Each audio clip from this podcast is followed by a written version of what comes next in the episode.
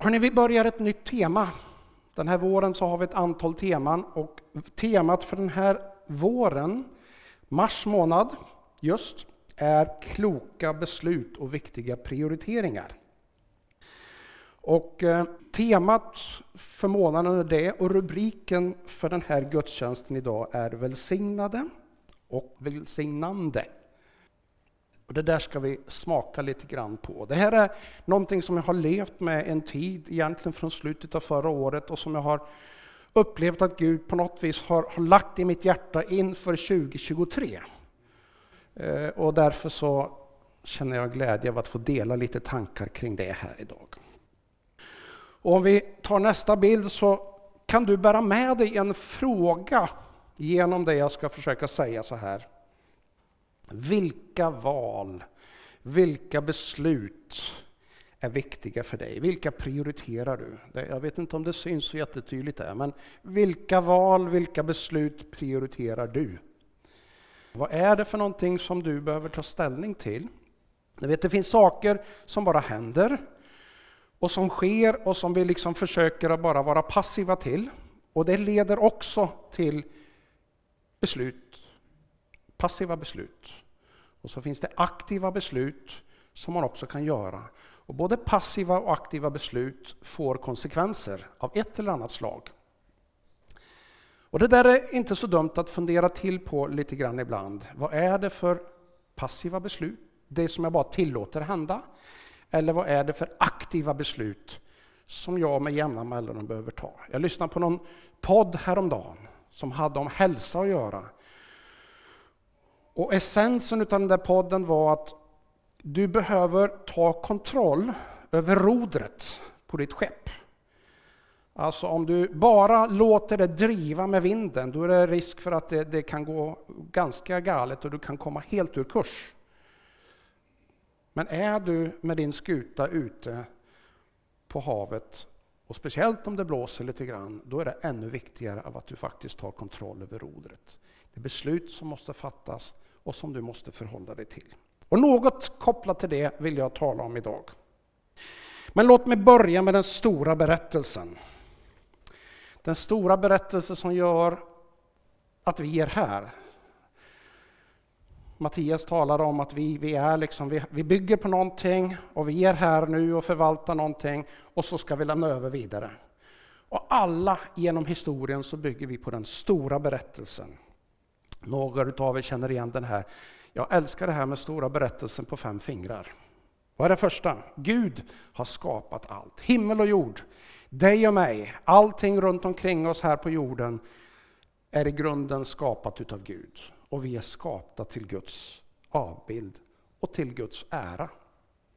Det är en sån här grundsanning som Bibeln lär oss och som vi behöver på något vis förhålla oss till. Bejaka eller möjligen avvisa. Det andra är att Gud älskar dig mer än något annat.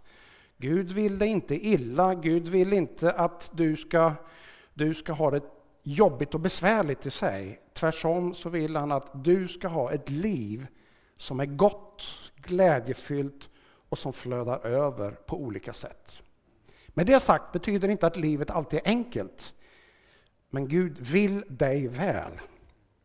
Allt Gud gör, och det är viktigt när man läser Bibeln också, när man tolkar det som är allt Gud gör, det är drivet utav kärlek. Därför att det står, Johannes bland annat skriver att Gud är kärleken.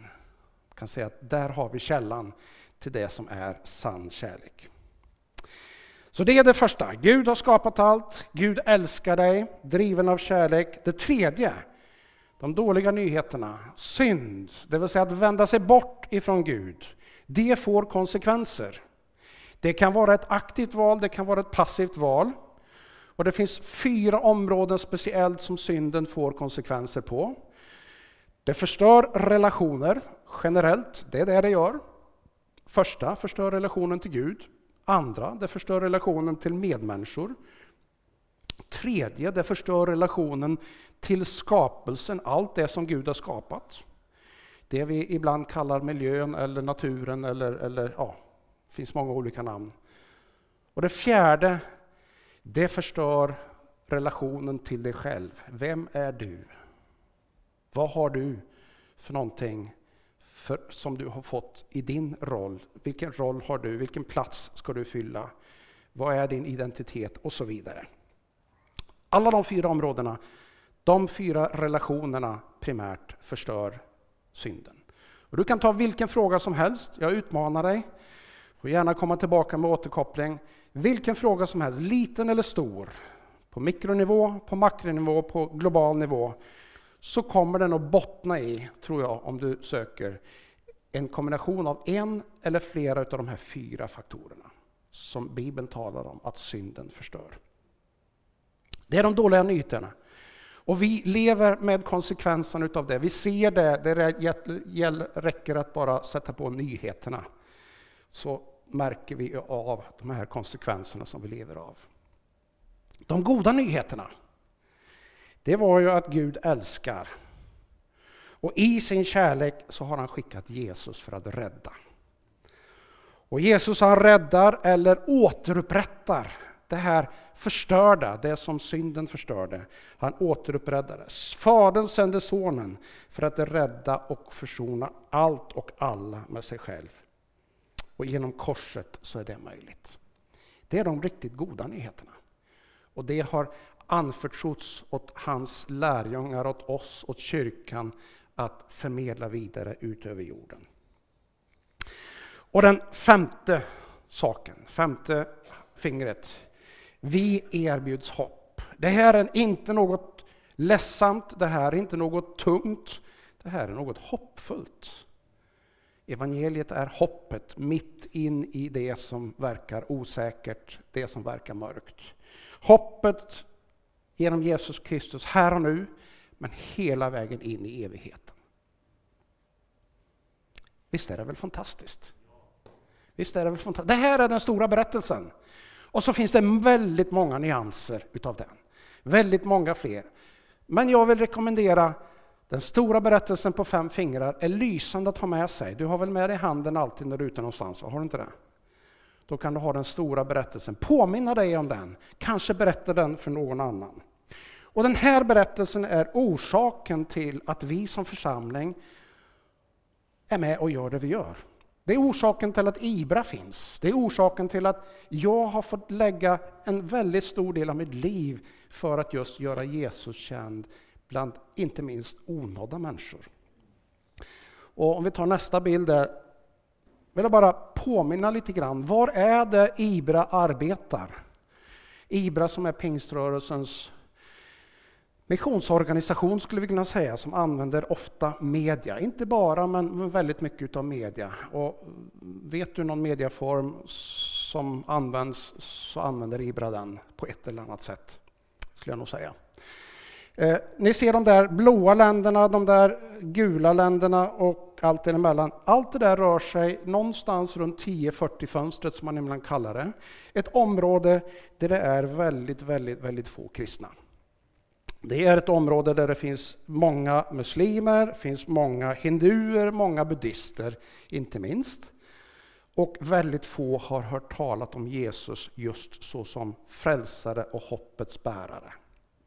Och därför så arbetar vi där. Och nästa vecka då ska Sam och jag få åka till Bangkok. Bangkok är ju en stad som vi som församling har bett mycket för. Där har vi Daniel och Paulina Brolin som är våra missionärer. De finns både i Bangkok och i Siem Reap eh, i, i Kambodja, men också nu i Pattaya, en annan stad eh, ett par timmar ifrån Bangkok ungefär. Och vi ska få möjligheten att besöka både Bangkok och Pattaya tillsammans. Och sen åker vi upp till norra Thailand, till Chiang Mai. Och där ska vi få chansen att möta Ibras partner ifrån hela Asien. Det kommer ifrån Indien, de kommer ifrån ifrån Nepal, de kommer ifrån ja, Indonesien, Thailand och ganska många olika länder, Bangladesh och så vidare. Och så ska vi tillsammans få, få sitta ner och lyssna, uppmuntras, inspireras och dela hoppet och dela visionerna och så skruva lite grann på verktygen tillsammans också. Inför att göra vad då? Jo, dela hoppet, hoppet om Jesu frälsning och räddning. Hopp hoppet ända in i evigheten. Hoppet för de som ännu inte har hört om de goda nyheterna. Så det är det som ligger framför. Ni får hemskt gärna vara med och be för den här konferensen. Be för Sam och mig och alla andra som kommer att vara med, eh, att det får bli sådana här riktigt välsignade dagar. Men det bygger på den stora berättelsen, vårt uppdrag som vi har fått att vara del i den. Att ta emot den, men också förmedla den vidare. Om jag då bara skulle säga någonting här på nästa bild, så är det några kryptiska siffror där. Och rubriken här är ju att vi är kallade att välsignas. Och vi är kallade att välsigna. Det står ju så här, Petrus bland annat talar om det, eh, Paulus i Romarbrevet talar också om det. Välsigna dem som förföljer er, välsigna dem och förbanna dem inte. Just nu så finns det fyra stycken pastorer som sitter fängslade i Indien. Pastorer som är kopplade till vår partner där. Och varför är de fängslade? Jo, därför att de delar evangeliet, hoppet som vi precis talade om. Handlar inte om att förbanna, handlar om att välsigna trots att man blir satt i fängelse. Petrus i första Petrus han säger så här, löna inte ont med ont, skymf med skymf, utan tvärtom välsigna. Säger han, det är uppdraget. För ni själva är kallade att få välsignelse. Så välsigna och få välsignelse. Det är någonting som är centralt i evangeliet. Så fyra stycken sitter i fängelse just nu. 2200, vad står det för då? Jo, det är faktiskt så här att när, vi, när jag tittar lite grann på statistiken, det här kan diffa lite grann, troligen så är det fler. Men sedan 2016 när vi började mäta på det sättet som vi nu gör, så har vi varit med och startat minst 2200 församlingar runt om, framförallt i sådana här områden där det är väldigt få kristna. Är inte det fantastiskt? Och eh, Det kan vara lite svårt med exakta siffror, det kan hända. Alla de här vi har startat har kanske inte överlevt, men väldigt många har det. Och en del har knoppat av sig till också fler församlingar på nya platser. Och Det är liksom grundat på den här idén av att vi har fått något, vi tar emot det och vi gör någonting med det. Och så delar vi det vidare. Och då händer den här multiplikationen. Någonting att tacka Gud för, någonting att också fortsätta att be för. Och i mitten står det 57. Vad är det för någonting? Jo, det är 57 år sedan i år, sedan mina föräldrar var på en plats i östra Tanzania, i Swahilikustområdet där det är väldigt, väldigt få kristna bland lokalbefolkningen, var det också då. De var där, arbetade som missionärer, jag var väldigt, väldigt liten då kan jag säga. Ehm, och hade ingen uppfattning om det här, men jag har ju hört dem och jag har förstått. De började någonting, de planterade en församling som har vuxit och nu händer det som de inte fick se 57 år senare. Nu händer det att väldigt, väldigt många människor från muslimsk bakgrund får tag på Jesus inte bara som en profet, utan som en frälsare. Och det multiplicerar sig och det multiplicerar sig och det multiplicerar sig. Man startar nya sådana här upptäckargrupper där man börjar studera bibelordet och så börjar man praktisera det och så händer under och tecken med jämna mellanrum och så, ja, massa saker runt omkring. Lite perspektiv. 57 år sedan var de där. De var trogna sin kallelse och gjorde det de skulle göra. Så har många följt på det. Och nu händer en ganska så ja, revolutionerande händelse i det där området där, där det har varit ganska trögt och inte så många har kommit till tro. Så står det decade här, dekad, 10. Det här året börjar en decade of revival, ett tio års där vi förväntar oss att Gud ska göra väldigt mycket saker och där vi och många med oss ska närma oss Gud och gå med honom. Och ibland så kallar vi det i kyrkan väckelse. En tid när människor vaknar upp över saker och ting och börjar söka sig närmare Jesus. Och det här är någonting som pingströrelsen globalt sett och som vi i Sverige är del utav.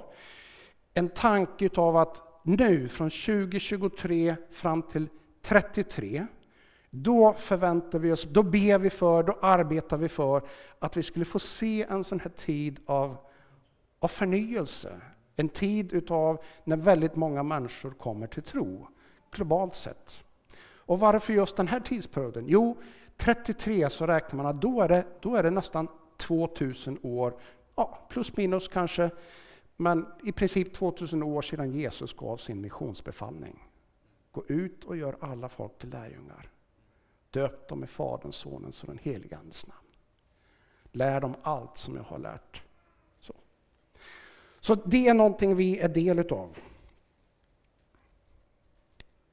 Och så står det samma. Varför står det det?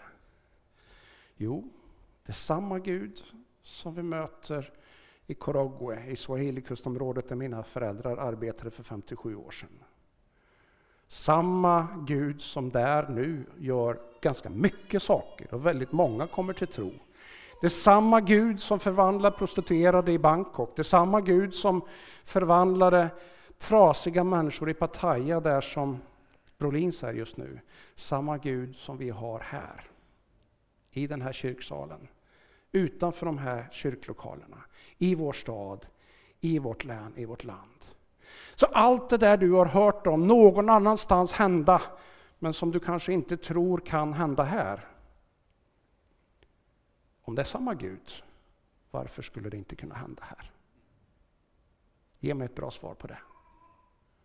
Om det är samma Gud, varför skulle det inte kunna hända här? Om vi vänder oss till honom. Om vi fattar kloka beslut i respons på det han har gjort och det han vill göra.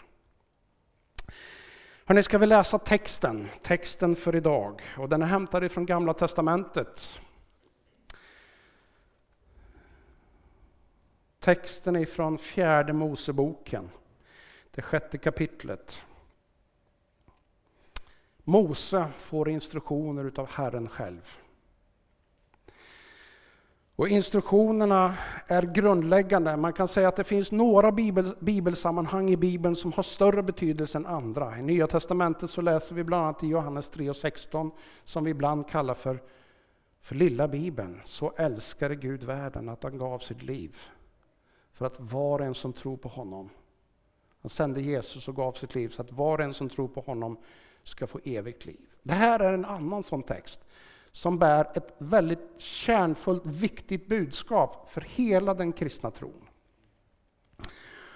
Och det här var Moses som fick, fick instruktioner från Gud själv att förmedla till hans bror Aron. Aron som räknas som den första liksom, översteprästen, den första ledaren på det sättet som skulle leda prästerna i templet och hela den historien. Och är det instruktioner hur de skulle välsigna. Om vi får över det här till Nya Testamentet så lever vi i en tid där inte bara ett antal nyckelpersoner har så att säga eh, bara ett antal nyckelpersoner ska göra saker och ting. Utan vi lever i en tid där vi också har det allmänna prästadömet. Det betyder att du och jag är inbjudna att vara med i precis det som Mose förmedlar instruktioner från Gud själv. Vi läser. Herren talade till Mose, säg till Aron och hans söner, med dessa ord ska ni välsigna Israels folk. Herren välsignar dig och beskyddar dig. Herren låter sitt ansikte lysa mot dig och visar dig nåd. Herren vänder sitt ansikte till dig och ger dig sin fred. De ska uttala mitt namn över israeliterna och jag ska välsigna dem. Här är instruktionen som Gud ger Mose att förmedla vidare till ledarna som skulle vara och leda Israels folk. Den hebreiska texten den är lite, den är lite tvetydig i jämförelsevis med den svenska. Ni har säkert hört andra versioner av det här. Herren välsigne dig och bevare dig. Och här står det Herren välsignar dig och bevarar dig. Och det är så här att hebreiskan, det uttryck, det ord som används, det kan tolkas för, det kan gälla både för det som har varit och det som är just nu och det som kommer. Det vill säga att den tidlösa aspekten. Så att när det här uttalas på det hebreiska sättet så gäller det det som har varit, det gäller nu och det gäller det som ska komma. Är inte det ganska fantastiskt? Det vill säga att det är inte någonting som bara fanns i historien en gång. Och det är inte bara någonting som ska hända en gång i framtiden. Det är någonting som också händer här just nu. Och med det kan vi ta emot den här texten också. Och jag har idag nu valt att ha den här presens, presensversionen utav det som finns i bland Bibel 2000. Låt oss titta på några av de här sakerna. Det första som kommer här är att vi blir välsignade och beskyddade utav Gud själv. Det här är det han vill. I det prästerna skulle förmedla och i det vi också kan få vara med och förmedla så ingår att Herren vill välsigna och vill beskydda. Vad betyder det då att välsigna? Det är ju intressant. Ja, ibland så kan det vara bra att ha motsatsen till saker och ting. Att förbanna, det kan ju vara att önska någon illa. Att någon ska drabbas av saker och ting. Välsignade är raka motsatsen. Välsignelse har med glädje att göra, välsignelse har med lycka att göra, har med välgång att göra. betyder inte att allting som är välsignat alltid är lätt. Men att gå med Herrens välsignelse betyder att jag går med någon i stor kraft som önskar mig väl, som vill mig väl och inte bara säger det med ord utan också i sin handling står bakom och går med. Så när det står här att Herren vill välsigna, eller Herren välsignar, då är det jordens och himlens skapare som har skapat allt vi överhuvudtaget kan se och förstå och ta del utav. Han önskar dig väl. Igår, just nu, men också inför din framtid. Är inte det hoppfullt? Finns det någon större kraft? Finns det något bättre? Önska väl och beskydda. Det där får vi ta emot i den här välsignelsen, i de här orden. Det här är Guds avsikt, det här är Guds tanke, Guds önskan, Guds vilja. Och vi får ta emot det. Bara genom nåd. Och Det fantastiska är att när vi har fått det av nåd så får vi också förmedla det på de sätt vi kan vidare. Och det är väl en fråga som du kan ha med dig. På vilket sätt kan du välsigna någon? På vilket sätt kan du beskydda någon i samma anda som Gud vill välsigna och beskydda dig? Vi tar nästa. Det talas om att Herrens ansikte lyser över dig och erbjuder dig nåd. Det där är ett intressant par. Johannes evangelium, Johannes, evangelisten Johannes, han skriver i första kapitlet utav Johannes evangelium Jesus var full av nåd och sanning. Och om man läser och följer evangelierna och Jesu handlingar så kan man konstatera att han tvekade aldrig på det som var sant. Men han var samtidigt väldigt nådefull. Och när Mose får instruktionen av att det här ska ni förmedla. Guds ansikte ska lysa över er och så ska han samtidigt erbjuda nåd. Så är det, som jag ser det, en helt Alltså det skulle inte gå med bara det ena. Om Guds ansikte som är helt, alltså Gud själv som är rättfärdig, sann i allt. Om han skulle lysa över dig med sitt ljus och du inte skulle erbjudas nåd, då skulle det bli outhärdligt.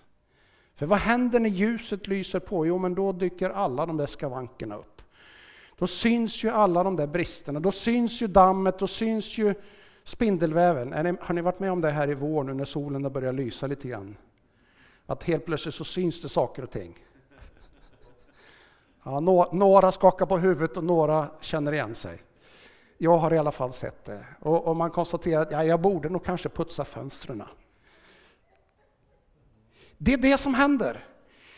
När ljuset lyser så kan det bli så oerhört ordhärdigt pinsamt och insikten om att här måste det putsas, här måste det göras rent. Den blir påtaglig. Och själva klarar vi inte det där i Guds perspektiv. Och Det är därför det är så fantastiskt. Ljuset, hans ansiktes ljus och nåden i samma paket. Först ljuset, så vi ser, och så får vi ta emot nåden till att tvättas rena genom hans egen kraft, genom Jesu Kristus. Visst är det väl fantastiskt?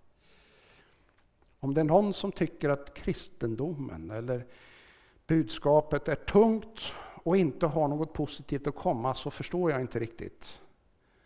För det här är väl det bästa man kan tänka sig. Sanning, ja så här är det. Men du erbjuds nåd. Det bästa tvättmedlet som kan tänkas. Det bästa fönsterputsen som finns. Det bästa diskmedlet eller vad det nu är för någonting som behövs för att göra rent. Hans ansikte lyser över dig och erbjuder dig nåd. Vi tar nästa. Så står det att han vänder sitt ansikte till dig. Och så erbjuder han frid och fred. Uttrycket som används är shalom. Shalom inrymmer mer än bara det vi använder frid och fred. Det innehåller liksom den här både yttre och inre friden i en fullhet på något vis. Vad är det som händer när någon ser dig?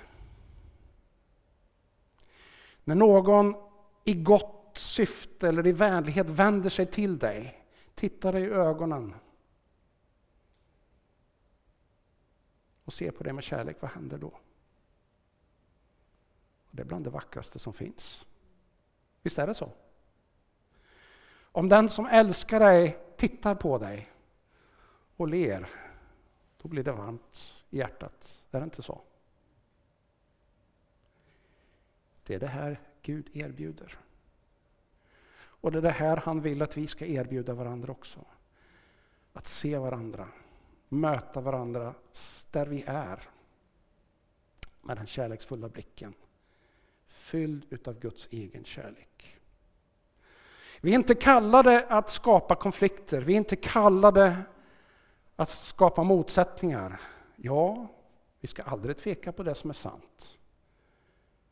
Men vi är kallade att erbjuda fred och erbjuda frid. Jesus undervisar om det här så säger han, när ni kommer någonstans, erbjud frid. Frid vara med dig. I vår kyrkorörelsens historia, pingströrelsens historia, så var det väldigt vanligt när jag växte upp att man hälsade på varandra och så sa man frid. Har ni varit med om det? Ja, många av er har varit det.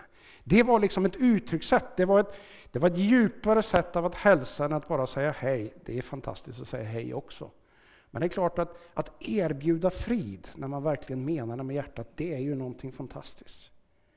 Att se med en kärleksfull blick, att få ta emot en kärleksfull blick och att erbjuda varandra frid och fred, shalom.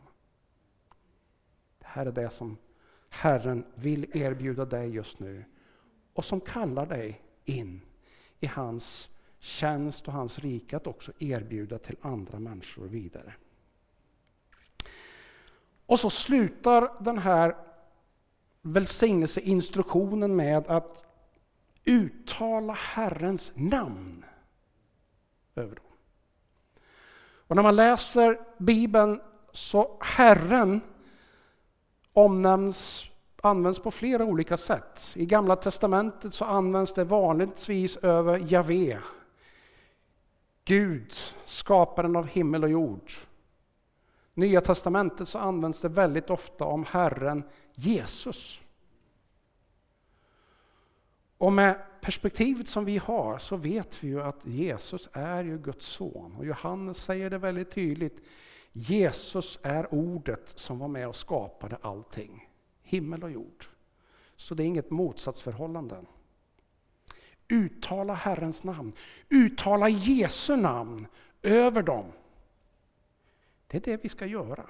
Det är du och jag kallar det till. Vi kallar det till att uttala Jesu namn. Jag har varit med om när onda makter försöker ta kontroll över människor. Men vet du, när man uttalar Jesu namn, då sker det någonting. För det har hela andevärlden koll på. Vem Jesus är, vad han har gjort på korset, det vet de.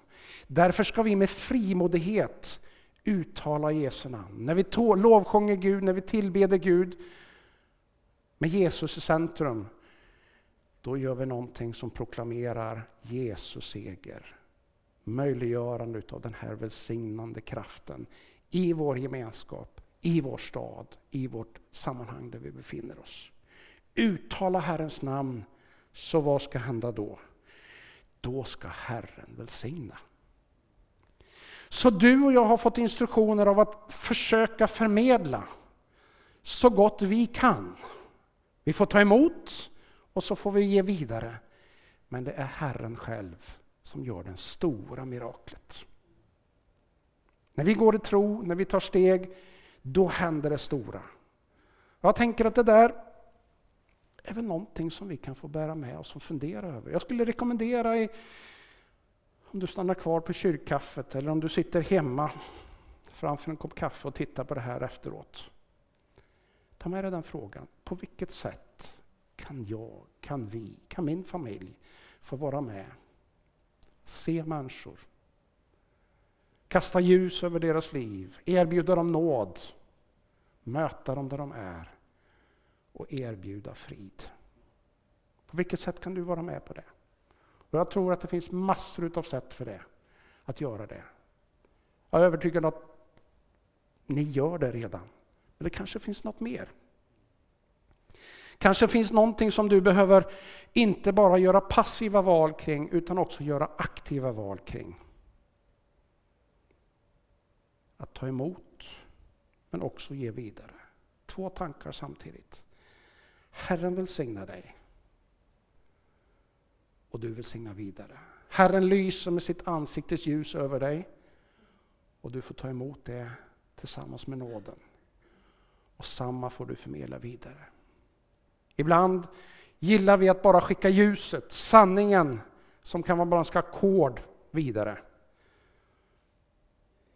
Men Guds väg är att göra det i kombination med nåden också. Sanning och nåd.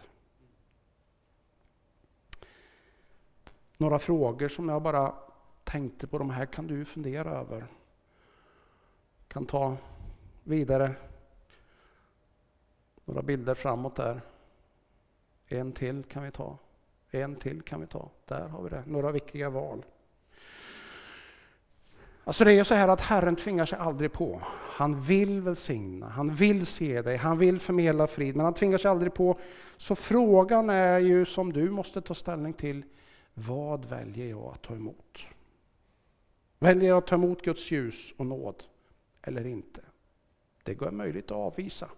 Det får konsekvenser. Det är möjligt att ta emot. Det får goda konsekvenser.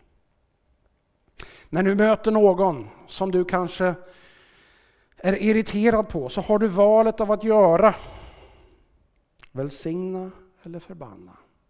När de här pastorerna i Indien som sitter i fängelse just nu, som finns i det nätverket vi jobbar med, när de har blivit fängslade så har de möjligheten av att välsigna sina förövare eller förbanna dem.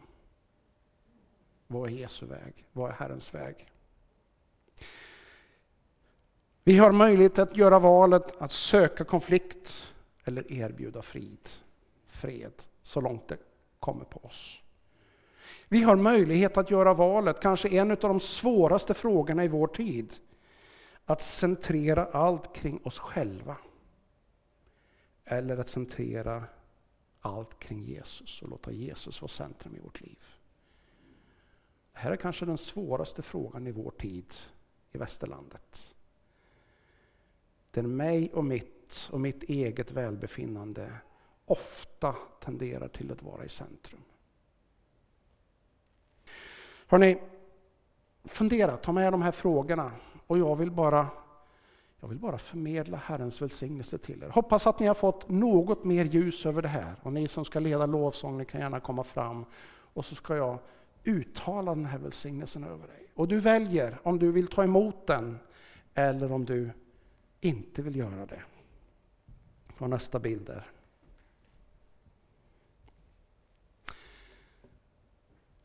Herren välsignar dig